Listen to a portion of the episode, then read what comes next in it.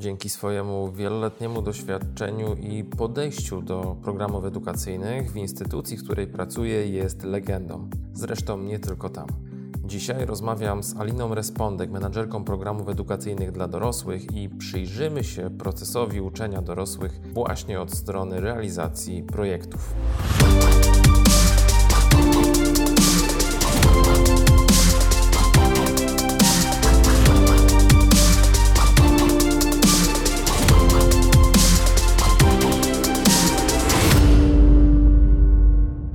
Jak skończyłam chemię i pracowałam e, na Politechnice jako chemik, e, to w którymś momencie przyszło mi do głowy, żeby zrobić studia drugie, zarządzanie dwuletnie. To była pierwsza edycja na, e, na, na Uniwersytecie Warszawskim.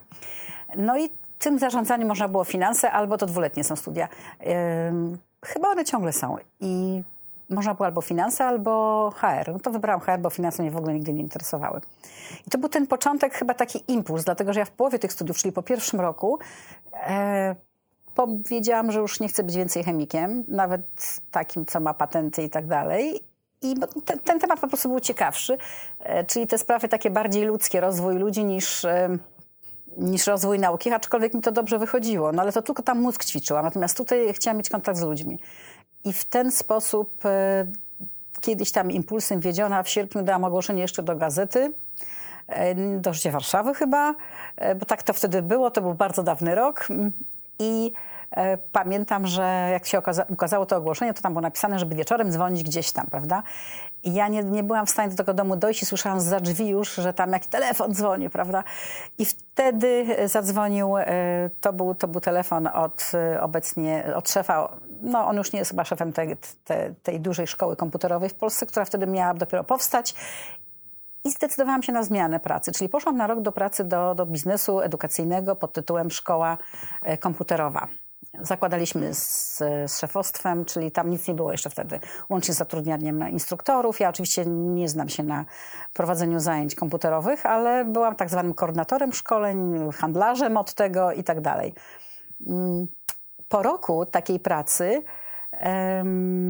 ktoś do mnie zadzwonił z, z, moich znajomych, że w Ministerstwie Edukacji szukają osoby, która zna angielski i, i zna się na zarządzaniu, a ja już wtedy skończyłam to zarządzanie. E, I bo jest projekt farowski e, do, do obrobienia. No, ale trzeba przyjść do pracy do Ministerstwa Edukacji. Czy ktoś y, lubi ministerstwa, czy nie lubi, to trzeba było tam przyjść.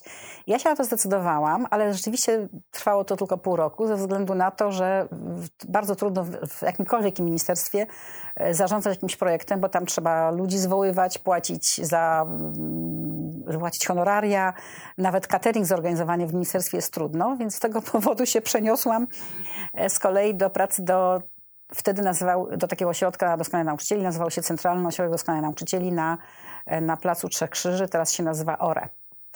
E, I tam zaczęliśmy ten projekt, e, ale już po krótkim czasie okazało się, że jest potrzebna osoba, która będzie y, ze strony świeżo powstałej Fundacji Rozwoju Systemu Edukacji w tym projekcie pracować. To był 93 rok, kiedy ta fundacja powstała. W 94 roku e, już się tu przeniosłam, bo, no bo się nie dało... Znaczy, Prawda jest taka, że potrzebna była osoba, która ze strony tak jakby Centralnego Ośrodka Doskonałych Nauczycieli zajmuje się. To, to był projekt dotyczący akurat e, zarządzania w oświacie. E, czyli praca nie tyle z nauczycielami, e, którzy, pracu, którzy są przedmiotowcami, tylko właśnie z dyrektorami, z wizytatorami, z jakością i z pracownikami doskonałych nauczycieli, czyli z pracownikami ODN-ów, WOM-ów to się wtedy nazywało, głównie Wojewódzkich Ośrodków Doskonałych Nauczycieli. I projekt nazywał się TERM. Ten projekt rzeczywiście ja przeinicjowałam, bo począwszy od, od, od wszystkich etapów. Od samego początku byłam w nim, czyli to i ministerstwo i te ośrodki doskonałych nauczycieli, po to był ten CODN, który tam zarządzałam tymi 15 wybranymi, które tam prowadziły zajęcia. Mm, i e, no i jednocześnie tutaj, bo to było tak pół etatu tam, pół tutaj, tutaj jak tak zwany PMU, czyli Program Management Unit e, z kontrahentem, e, z konsorcjum zagranicznym, czyli tym tak naprawdę teraz byśmy powiedzieli od tych, którzy nam dali pieniądze, bo to był pomocowy program, nie tak jak teraz, że wspólnotowy, tylko nam pomagano, no ale żeby jak nam pomagano, to jednocześnie coś chcieli mieć od tego, czyli oni tym, pro, tym projektem, tym programem zarządzali. Ten program trwał 3 lata, potem był następny, był SMART, czyli, czyli dotyczący też podobnych rzeczy, czyli, czyli reformy oświatowej. I, mm, no i to cały czas była edukacja dorosłych, tylko że w obszarze, mm, w obszarze tego tak zwanego CVT, czyli, czyli doskonalenia zawodowego nauczycieli, w tym przypadku nauczycieli albo wizytatorów, albo, albo teacher trenerów y, w, w tym obszarze. I jak się ten obszar skończył, to wtedy ówczesny dyrektor z FRS zadzwonił do mnie, że musi. Bo ja wtedy akurat chwilowo nie byłam tutaj zatrudniona nawet, bo byłam właśnie w tym przy tych programach, co w Instytucie Badań Edukacyjnych, trochę w tym CODN-ie ciągle, a miałam taką przerwę od formalnego zatrudnienia tutaj. Mm, I w tym momencie, ale oczywiście raportowałam codziennie do fundacji, więc ta współpraca była nieustająca, nawet przez te trzy lata, kiedy formalnie nie miałam tu zatrudnienia. No i wtedy zadzwonił, że, że jest kolejna sprawa, czyli jest program Sokrates, y, a w nim program Grundwik i to jest edukacja dorosłych, to jest ta niezawodowa już tylko część. No i y, zadzwonił, czy ja chcę, ja chciałam i, i przyszłam tutaj i już to jest, czyli od 2000 roku to to już jest tylko ta taka czysta edukacja dorosłych niezawodowa. I to jest ten mój konik.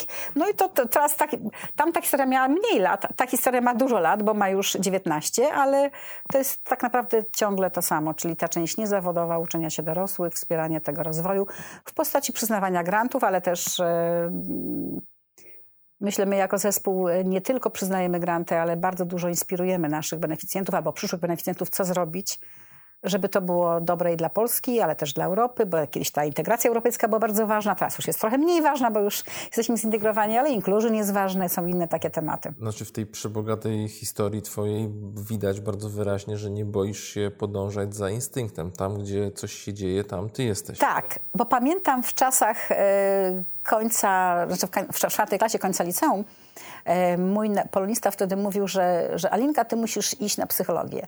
I, I moja, to nie jest pewnie do, jak do rekordu, ale to ci powiem, bo to jest ciekawa rzecz. E, I ja nawet, ja rzeczywiście się interesowałam wtedy takimi rzeczami, ale oprócz tego miałam bardzo dobry mózg i mam, byłam po olimpiadzie chemicznej i tak dalej. Dla mnie raczej matematyka, fizyka i chemia to były fantastyczne rzeczy, a nie jakaś tam psychologia. Ale rzeczywiście coś w tym było, więc ja poszłam nawet na, na takie spotkanie w styczniu przygotowawcze na, na Uniwersytet Warszawski żeby, mm, żeby zobaczyć, jak wygląda, y, no, co będę mówić. Spotkanie było jako takie, ale jak wychodziłam, to y, przechodziłam przez, y, przez korytarz, gdzie było dużo dziewczyn, które potencjalne przyszłe studentki jak usłyszałam, o czym one rozmawiają, to powiedziałam, no way, ja nie idę w, tym, w tę stronę. Przepraszam, że to powiem, bo kocham psychologów, moja siostra jest psychologiem, ale wtedy, na tamten etap mojego życia po prostu byłam przerażona, bo ja, ja nie jestem taką dziewczynką, dziewczynką. No.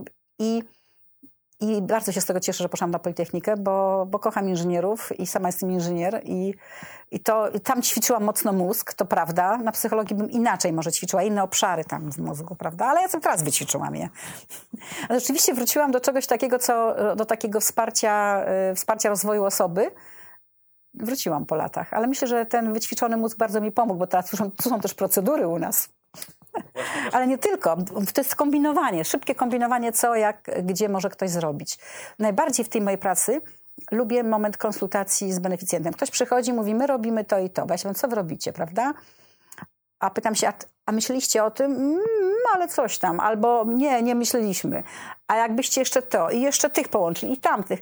I ja widzę, jak się oczy się iskrzą takiego człowieka i u mnie też się iskrzą. To jest tak jak mówię, szczytowanie w mózgu wtedy.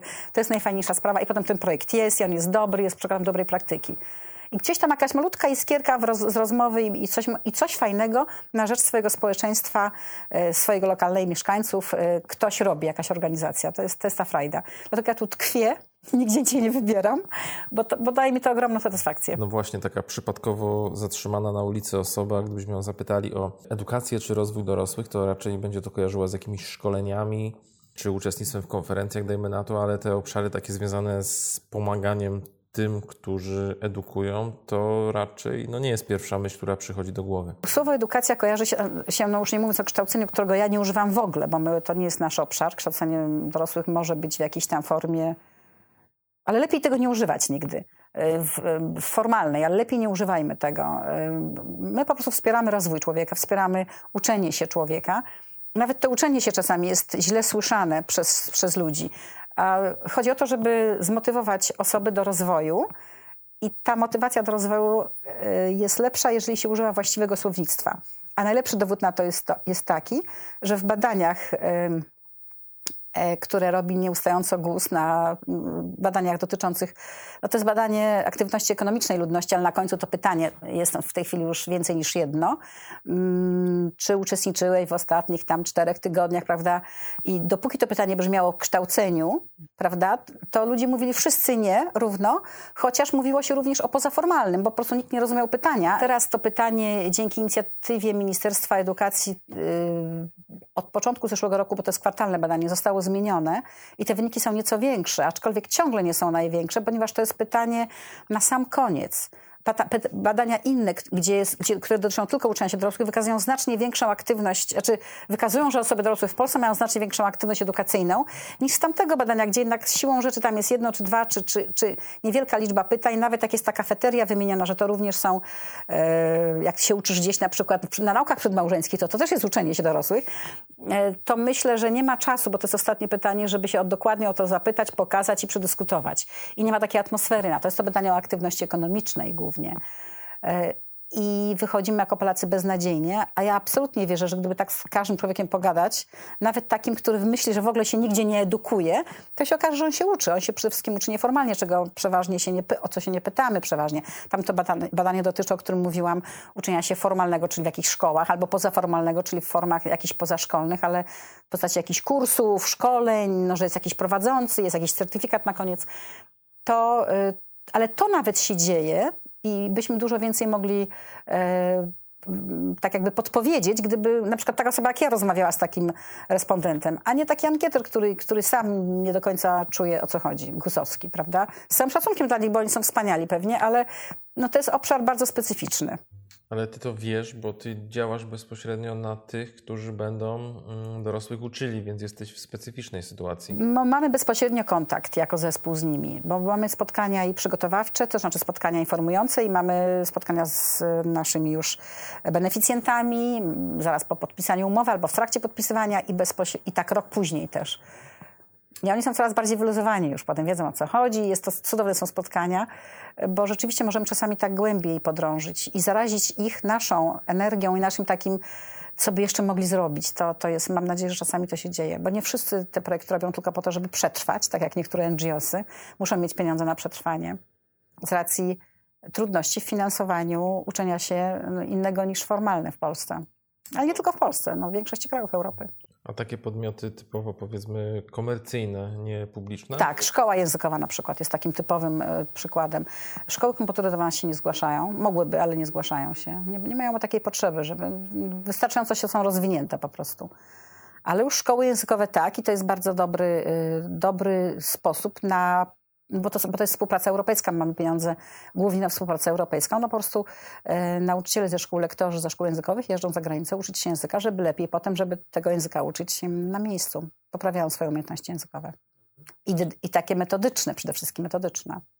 Z tego, co mówisz, to tak między wierszami przynajmniej można wyczytać, że to jednak są formalności, biurokracja, papiery. Czy to jest trudne? Czy to tak jest w ogóle? Nie da się ukryć. No. Ktoś ułożył e, przewodnik po programie Erasmus+, on ma 300 ileś stron. Walczymy o to, żeby wrócić do czasów poprzednich, czyli żeby każda akcja miała kilka stron opisu, tak jak mieliśmy w Grundwigu, w uczeniu się przez całe życie i wcześniejszym Sokratesie, bo to jest takie e, przyswajalne. To, bo, ja, bo oczywiście osoba taka jak koordynator projektu, osoba do kontaktu, jakaś młoda osoba na przykład w jakimś NGOsie albo w bibliotece bardzo chętnie nawet przeczyta to wszystko, my powiemy, co ona przeczyta. No nie 300, bo nie trzeba wszystko czytać, nie wszystko jest dla edukacji dorosłych ale w różnych miejscach są różne informacje. To ona nawet to przeczyta, ale potem musi przedstawić swojemu przełożonemu i czasami jest to już y, trudny, trudny moment, bo ja, ja się nie dziwię, bo ci dyrektorzy nie są w stanie tego wszystkiego przeczytać. I z, takiego, z takiej rozmowy z taką zaangażowaną, mocną, młodą osobą, czy dojrzałą nawet, y, trudno wszystkiego, wszystko wyczytać. A gdyby taki dyrektor dostał kilka stron takiego kompendium i tam ma wszystko, kto uprawniony, ile pieniędzy, ile to trwa, gdzie składać wniosek i tak dalej, i jakie są cele, jakie priorytety, i to się da zrobić wszystko w takiej postaci, to myślę, że dużo łatwiej byłoby podejmować decyzje e, o przystąpieniu do projektu. Jeżeli już te organizacje, ci beneficjenci mają z czymś problem, na etapie myślenia o pomysłach, czy w ogóle myślenia o składaniu wniosku, to z czym jest ten problem? No, czy to, co oni sobie wymyślili, się wpisze w nasze założenia, czyli w te nasze priorytety albo w ogóle w założenia projektu. Mm, czasami myślą bardziej na przykład o działaniach krajowych, no to nie, nie, ten projekt. Znaczy tu można działania krajowe robić, ale, ale jednak musi być przede wszystkim współpraca międzynarodowa i potem przenoszenie na grunt polski jakichś fajnych nowinek albo wspólnie coś opracowywanie i potem to wdrażanie tego. Czyli czy, takiego, takiej czystej, no jestem na przykład trzecim wiekiem, jestem uniwersytetem trzeciego wieku i chcę sobie po prostu um, dofinansować moje działania, no to nie z tych pieniędzy. Czyli takie regularne jakieś zajęcia. Ale ta inspiracja i te to się da zrobić, bo jak na przykład jak e, w akcji drugiej, czyli w projektach partnerskich, partnerstwo wypracuje jakiś program edukacyjny, jakąś formę, jakąś ciekawą, to może to przetestować też w ramach tych, tych pieniędzy naszych. Więc to też wtedy bezpośrednio są działania na rzecz e, takie finansowane z, z naszego z naszego projektu, ale takiego codziennej działalności nie finansujemy. Jeżeli mówisz, że to da się zrobić, to mam wrażenie, że y, problem jest nie tyle z samym mm, projektem, czy z samymi jakby zasadami tego projektu, tych projektów, co z interpretacją tego przewodnika. To, znaczy, to jest za trudne, żeby to po przeczytaniu tak od razu wiedzieć, jak, z czym to się je, prawda? Niestety Prawdopodobnie wszystkie konkursy tak mają, że trzeba trochę, trochę raz się być może sparzyć, czy nie dostać dofinansowania, to się dostanie wtedy bardzo wyczerpujące informacje od eksperta, co poprawić. Mm, trzeba przyjść do nas na dni otwarte, my organizujemy dni otwarte, gdzie po prostu y, to, to nie są takie spotkania szkoleniowe, które robimy też, ale taka indywidualna konsultacja godzinna, jak trzeba to i dłużej z daną osobą. Można do nas zadzwonić, nawet i godzinę potrafimy rozmawiać. Mm, co zrobić, żeby ten projekt był lepszy, jeżeli już się nie udał, albo co zrobić, żeby w ogóle się udał. A jak to jest z tymi regulacjami na poziomie powiedzmy bardziej europejskim? Bo ja się spotkałem parę razy z tym, że partnerzy z innych krajów mówili mi nie, nie, nie, to jest zupełnie inaczej. Y, u nas to nie przejdzie w Narodowej Agencji, u Was może przejdzie albo odwrotnie, u nas się da coś takiego zrobić. Y, ja ich wtedy przekonywałem na przykład, że u nas agencja tego nie zaakceptuje. To są jakby wspólne dokumenty, czy różne regulacje, różne interpretacje? Trochę tak jest. To znaczy nie, nie do końca. Wszystko powinno być tak samo, jeżeli chodzi o te główne założenia. Mm, czasami jakieś drobiazgi się, się różnią. Może się na przykład różnić y, sposób, w jaki jakaś narodowa agencja wymaga dokumentowania działań. Y, oficjalnie tam jest napisane wszystko w umowie finansowej, że tam potrzebne jest coś czy coś, ale mogą narodowe agencje chcieć jakichś dodatkowych dokumentów. Mm, czyli mogą być jakieś małe różnice i rzeczywiście tak jest, bo to jest akcja zdecentralizowana, tak się nazywa. Czyli narodowe agencje mogą o pewnych drobiazgach decydować. No, o, o pryncypiach nie mogą decydować. To wszystko jest wpisane mm, w program. No ale zawsze ta interpretacja czasami zostaje. A jak podchodzić tak zdroworozsądkowo do tego tak zwanego partnerstwa? Mówię tak zwanego, ponieważ no, prawda jest taka, że za projekt odpowiada ten, który mm, go składa w, swoim, w swojej macierzystej y, agencji, w swoim kraju i mimo, że się mówi o partnerstwie, no to pozostali są w dużej mierze troszkę tak monitorowani i traktowani jak tacy troszkę podwykonawcy w tym projekcie, y, a nie równorzędni partnerzy i ta odpowiedzialność zawsze spływa na tego, który jest y, tym głównym składającym. Jak na przykład projekt. niemiecki partner, niemiecki koordynator napisze projekt we współpracy albo bez współpracy z innymi, bo czasami sami piszą, czasami we współpracy, no ale z kimś tam się umówi, że jesteście moimi partnerami, zrobicie to i to, prawda? Y, I złoży swojej Narodowej Agencji, Agencji Niemieckiej, no to oczywiście Narodowa Agencja Niemiecka z nim podpisuje umowę. I on później e, przekazuje pieniądze na działania do partnerów e, w taki sposób, w jaki się partnerzy umówią, bo też nie jest to nigdzie zapisane, że to musi być w takich samych transzach, jak z Narodowej Agencji ty dostałeś koordynatorze, to tak masz przekazać. Większość tak robi chyba, tak jak się domyślamy, ale nawet nie zawsze do końca wiemy. Podpisują też umowy ze swoimi partnerami. To też nie ma takiego wzorca na tą umowę, według swojego uznania. Czyli trzeba mieć jeszcze takie dosyć duże zdolności w zakresie organizacji pracy i prowadzenia w ogóle projektów międzynarodowych, w sensie pracy z ludźmi na odległość z innych narodowości, troszkę z innej kultury pracy bardzo często. Rzeczywiście lepiej e, zaczynać od bardzo prostego projektu, już nie, bo są dwa rodzaje tych projektów w akcji drugiej obecnie. Jeden to są na mniejszą skalę dla mniej doświadczonych organizacji. U nas oczywiście w sektorze edukacji dorosłych, bo na przykład w, edukacji wyższej, szkolnictwa wyższego nie ma y, tych dwóch rodzajów, jest tylko jeden. No ale tam nie ma niedoświadczonych małych organizacji, tylko są uczelnie. Więc te mniejsze projekty na mniejszą skalę, za mniejsze pieniądze bez e, rezultatów pracy intelektualnej, czyli bez tych innowacyjnych produktów, tylko po prostu wymiana doświadczeń, wymiana dobrych praktyk. E, można też robić działania edukacyjne dla kadry i dla słuchaczy w tych projektach i słuchacze mogą wyjeżdżać, ale nie ma tych innowacyjnych produktów.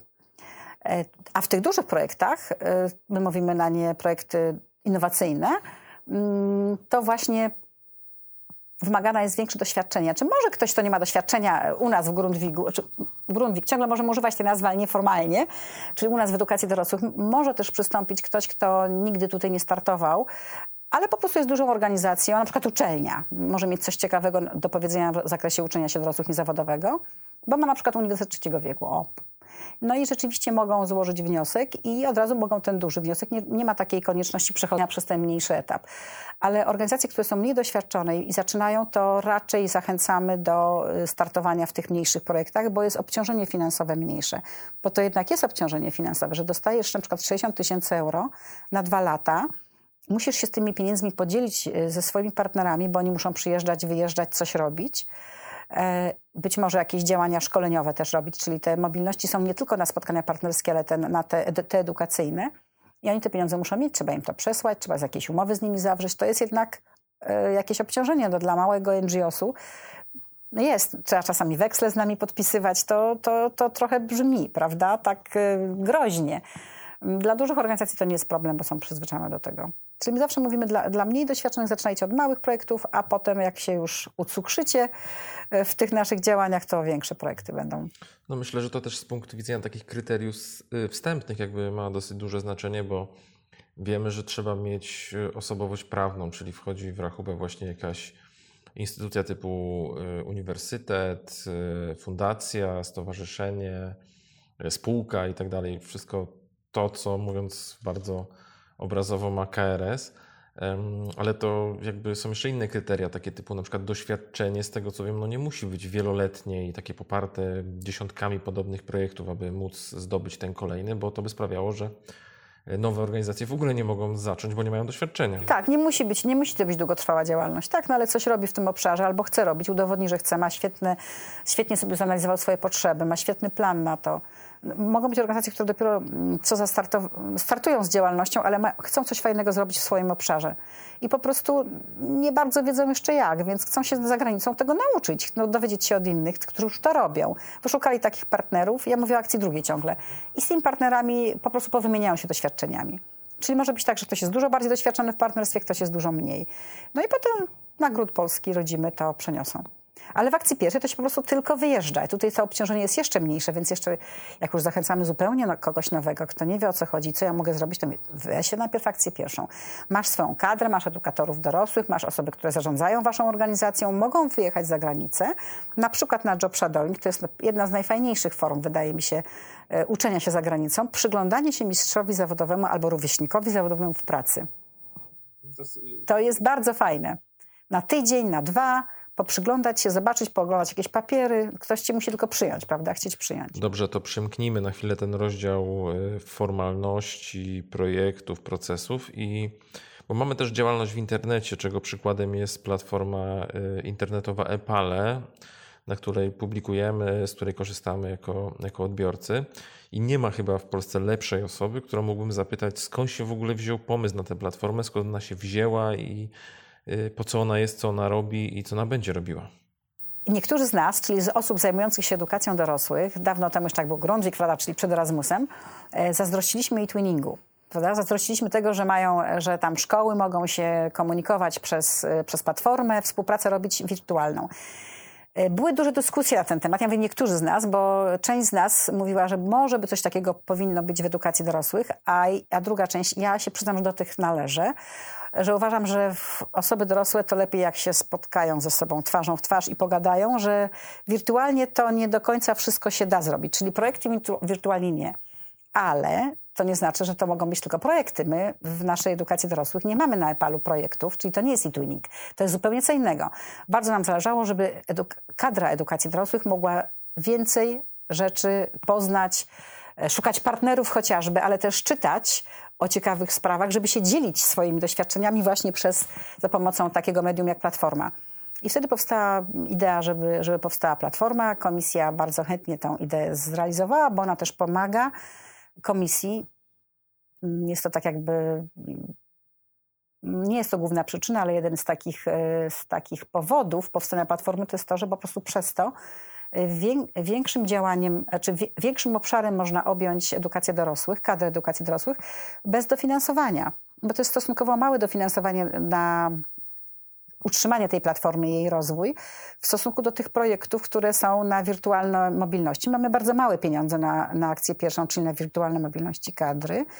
Minimalne one były kilkaset tysięcy, w tej chwili, w tym roku osiągnęliśmy milion, to jest dużo, milion euro, ale porównując na przykład y, z dwudziestoma paroma milionami y, w kształceniu i szkoleniach zawodowych, gdzie wyjeżdżają też stażyści, oczywiście nie tylko kadra, to to jest bardzo mało. To jesteśmy najmniejszą akcją, czyli ta akcja y, mobilnościowa kadry. A tutaj dzięki platformie EPAL mają szansę wirtualnie sobie zwiedzać świat, przynajmniej komunikować się ze swoimi rówieśnikami zawodowymi i mistrzami zawodowymi, jak ja zawsze mówię. Zawsze uważałam całe życie, że najlepsza edukacja, najlepsze uczenie się to jest od mistrza zawodowego, a nie z książki, nie z czegoś tam. Co prawda lubię też czytać, bo to człowieka bardzo pobudza, ale właśnie nie takie techniczne rzeczy, tylko jak ktoś coś przeżył, opisał, to to jest, to jest fantastyczne. No, face to face jak się spotka, to też jest cudownie. No ale Palu umożliwia takie spotkania też. Po pierwsze dlatego, bo można, można partnera znaleźć, ale również są konferencje, są zapraszani stakeholderzy, więc jak najbardziej. No i ta, i, i ta platforma powstała. Y, ten zamysł był taki podobny jak w tych innych portalach, czyli że będzie centralna, e, no ktoś musi to koordynować, czyli e, no to akurat w Ekorysie się koordynuje, prawda? No ale będą takie krajowe biura i te krajowe biura e, oczywiście każdy kraj mógł sobie zdecydować, czy chce, czy nie i to nie my decydujemy, tylko rząd decydował. Nasz rząd jak najbardziej zdecydował, że tak. Nasza fundacja została mianowana narodową, nie Narodową przepraszam, Krajowym Biurem EPAL.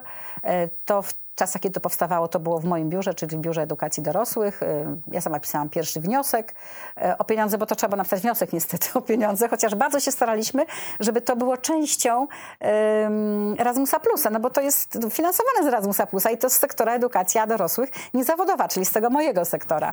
Ale to jest jednak niezależny byt, trzeba osobno składać wnioski o dofinansowanie. I już nie pamiętam, kto na to pierwszy wpadł, ale przy pisaniu pierwszego projektu my jako, bo przeważnie to jednak tam w narodowych agencjach były osoby, które, przynajmniej ja się z tymi kontaktowałam, e, które zostały tak jakby nominowane do, do, do zakładania Krajowego Biura. W niektórych krajach nie. W niektórych krajach to był koordynator e, upowszechniania agendy tej europejskiej, uczenia się dorosłych. W naszym kraju, ale w wielu krajach jest to Narodowa Agencja. E, potem to się tak trochę wydzielało, tak jak u nas zresztą jest to osobny byt, natomiast na początku ktoś musiał zacząć. I myśmy dyskutowali, pamiętam, e, na spotkaniach Narodowych Agencji, e, no wtedy nie Erasmusa Plusa, bo to był rok, to jeszcze było wcześniej. Pierwsze rozmowy to jeszcze były za czasów uczenia się przez całe życie, bo to 1 października biuro powstało, mm, ale gdzieś w maju, w czerwcu pisałam e, ten, mm, ten projekt w, w 14 roku. Rzeczywiście w 14 roku to było. Czyli to już był, to już był wtedy y, Erasmus Plus obecny. Ale nasze dyskusje na spotkaniach Narodowej Agencji były wcześniej. No i właśnie wymyśliliśmy, że, że to jest bardzo fajna formuła, że y, jedna, dwie, trzy osoby w biurze, czy cztery nawet, zależy jaki, jaki duży kraj jest, ile ma pieniędzy, y, nie obrobią tego wszystkiego, żeby nawet nie wiem, jakie były bystre i żeby nie wiem, jakie miały background z edukacji dorosłych że po prostu potrzebni są ludzie z różnych dziedzin, którzy będą mogli y, wspierać swoją ekspercką wiedzą y, te krajowe biura. I na początku pamiętam, że ambasadorzy to nie byli we wszystkich, tam w kilku krajach byli. My mieliśmy od początku ambasadorów. Mm, I nasi pierwsi ambasadorzy to byli po prostu nasi beneficjenci, bo my ich znaliśmy. Wiedzieliśmy, kto jest dobry, kto ma jakieś ICT, te umiejętności lepsze. Oczywiście to był konkurs, ale wybraliśmy takich, którzy wiedzieliśmy, że oni będą w stanie e, coś ciekawego włożyć i z różnych dziedzin, e, tu seniorzy, tam biblioteki, tam właśnie ICT, tam na więzienia, był, kiedyś był, pamiętam, właśnie ambasador z obszaru więziennego. No teraz troszeczkę mniej i bardzo żałuję.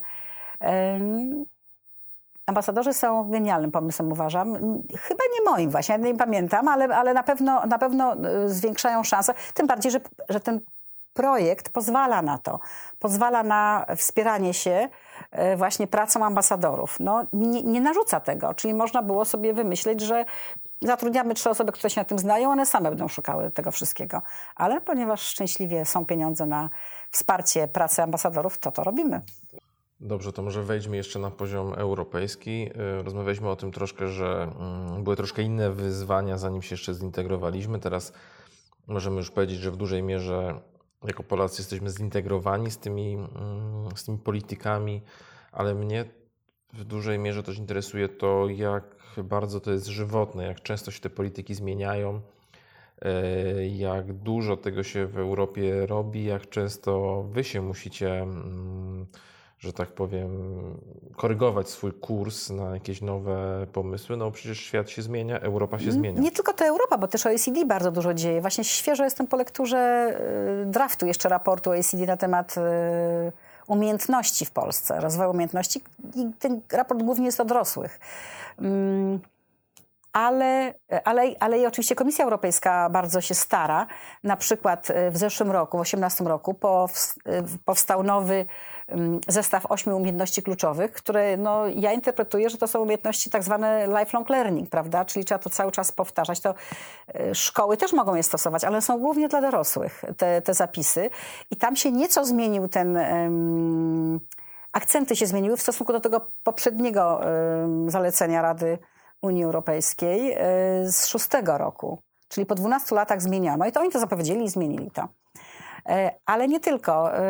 Mamy w zamyśle doskonały pomysł, doskonałą inicjatywę nazywającą się po angielsku Upskilling Pathways, po polsku nowe umiejętności dla dorosłych.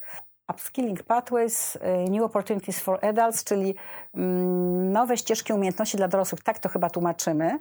Jest to, jest to zalecenie z grudnia 16 roku, e, które mówi o tym, że każdy kraj powinien, to jest rekomendacja, czyli powinien zająć się swoimi dorosłymi z pewnych grup docelowych, jaki dany kraj uważa, że, że, że ma najgorzej, w obszarze poprawy ich umiejętności podstawowych. Mówimy o rozwoju tych umiejętności podstawowych, które klasycznie są rozumiane jako trzy umiejętności.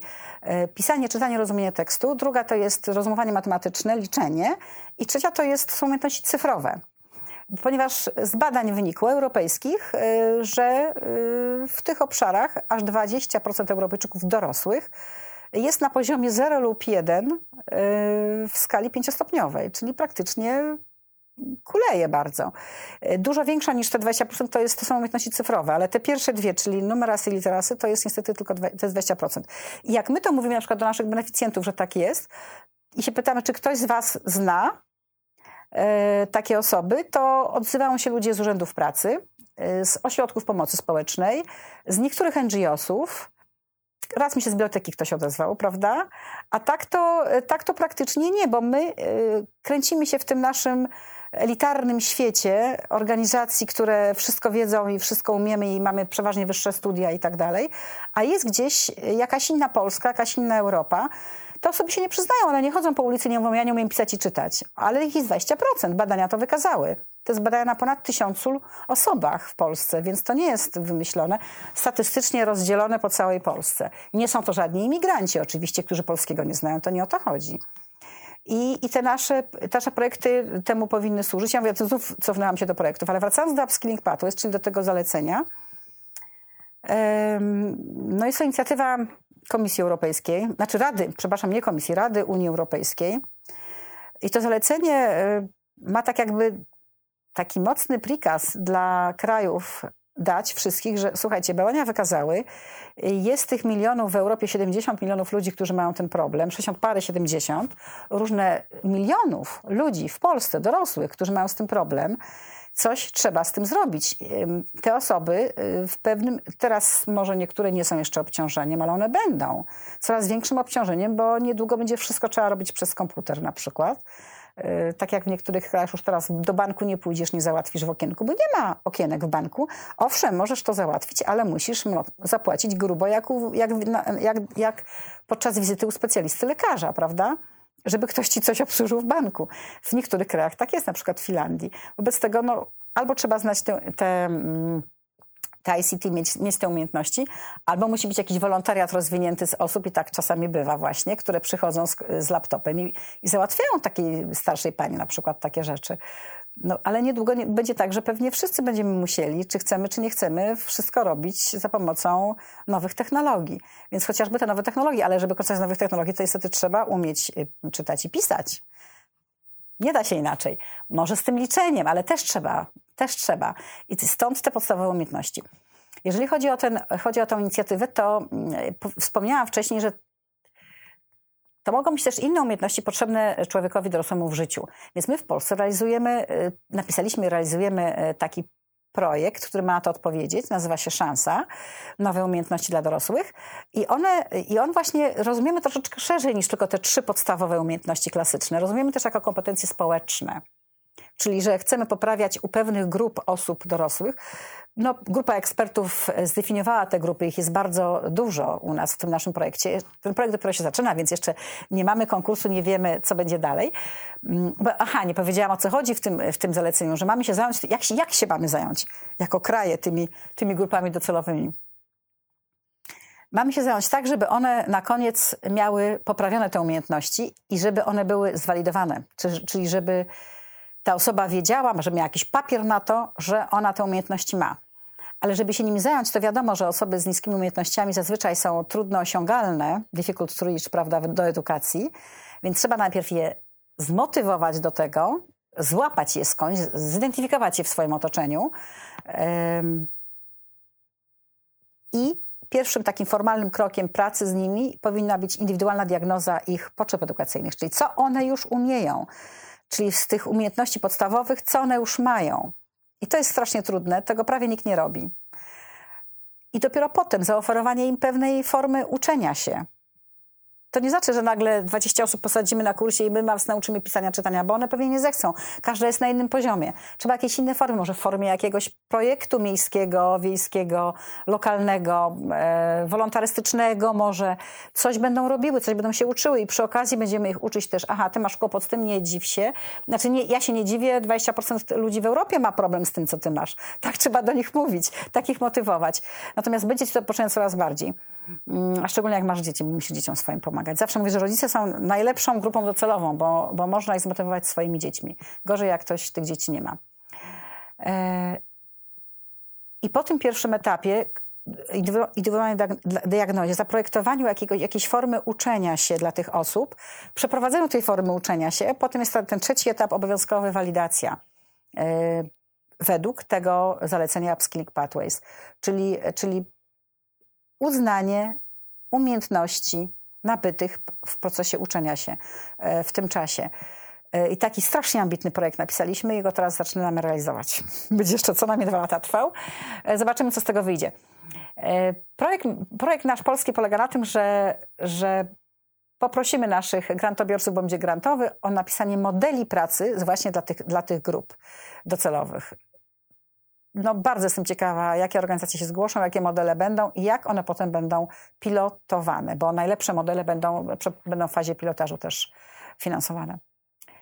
To jest, to jest ciekawe. Właśnie dlatego mówię, pracuję tutaj, bo to nie tylko Erasmus, tylko dzięki doświadczeniom z Erasmusa można wymyślić taki fajny projekt i mieć nadzieję, że później, e, no, co jest efektem tego, że, będzie, że będą jakieś sprawdzone modele pracy z osobami o niskich umiejętnościach podstawowych.